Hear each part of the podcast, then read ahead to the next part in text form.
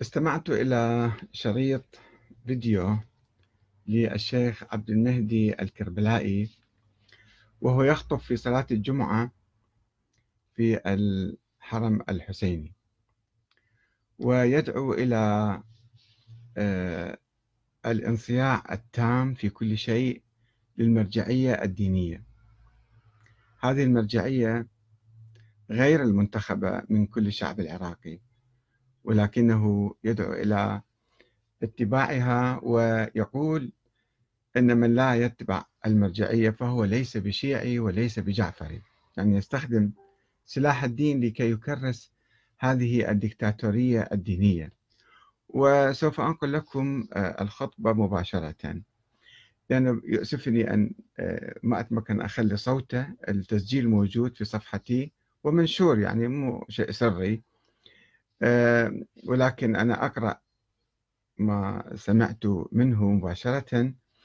هو يروي حديثا عن الإمام المهدي يقول إلى أحد وكلائه أنه أقرأ على من ترى أقرأ السلام على من ترى أنه يطيعني منهم وبالتالي يقسم الشيعة إلى قسمين قسم مطيعين للإمام وقسم غير مطيعين. ويقول أحاول أن أربطه يربط هذا الحديث اللي ما معروف من وين جايبه بالحقيقة حديث طاير بالهواء ما أدري من وين لاكفه ويبني عليه نظام سياسي نظام ديني أيضا.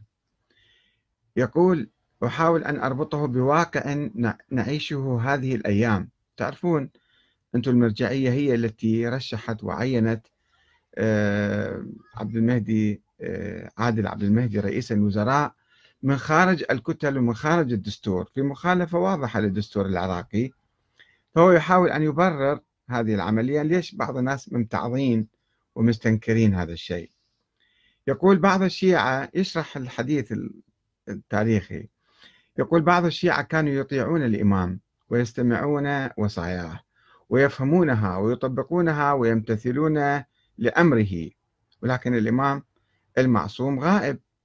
وسبيلنا لمعرفة هذه الأمور ومعرفة الموقف تجاه الكثير من القضايا الحساسة. ما هو؟ هو نائب الإمام الذي قال فيهم الإمام إنهم حجتي عليكم. وأما الحوادث الواقعة فارجعوا فيها إلى رواة حديثنا فإنهم حجتي علي عليكم وأنا حجة الله عليهم. طبعا هذا حديث أيضا مو معروف. أصله وفصله من وين بس المهم متداول. ويبني عليه نظام سياسي معاصر اليوم. يقول ما معنى حجتي عليكم؟ الإمام يحتج بهم علينا لعدم وجود وسيلة للاتصال به. يحتج علينا بكل شيء بكل شيء لازم إحنا نطيع هذا المرجع. حينما يكون للمرجع موقف أحيانا يتفق مع قناعاتنا فنطيعه ونسلم به ونمتثل له. وأحيانا يكون لنا رأي وموقف وقناعة ومزاج يخالف ما يصدر من المرجع. في هذه المسألة أو تلك تخالف ما يصدر من المرجع من موقف فلا نطيعه. فنقدم رأينا على رأيه وموقفنا على موقفه. ويعلق الشيخ عبد المهدي الكربلائي وكيل السيد علي السيستاني والناطق باسمه عادة. وهذا أنا أعتبره نوع من خطاب يعني يعبر عن رأي السيد السيستاني ومرجعية السيد السيستاني.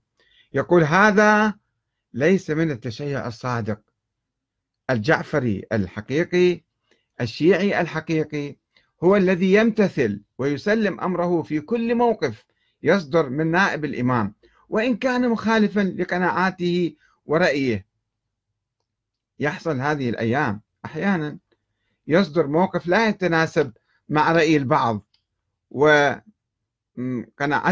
مثلا. هذا لا يحق له أن يقول أنا من شيعة أهل البيت. لا يحق له أن يقول أنا من شيعة أهل البيت. لذلك الإمام يقول السلام على من يطيعني منهم. وهذا بعد ما يطيع الإمام. وإن كانت أحيانا ربما آه، تخالف قناعات هذا الإنسان ويأخذ بقوله. يعني شوفوا هذا الكلام خطير جدا حقيقة. أن يصدر من وكيل السيد السيستاني يمثل المرجع الأعلى يمثل المرجعية. أنه يدعو الناس يدعو السياسيين طبعا يدعو كل الناس سياسيين وغير سياسيين أن يطيعوا المرجع. طيب أين ذهب النظام الديمقراطي؟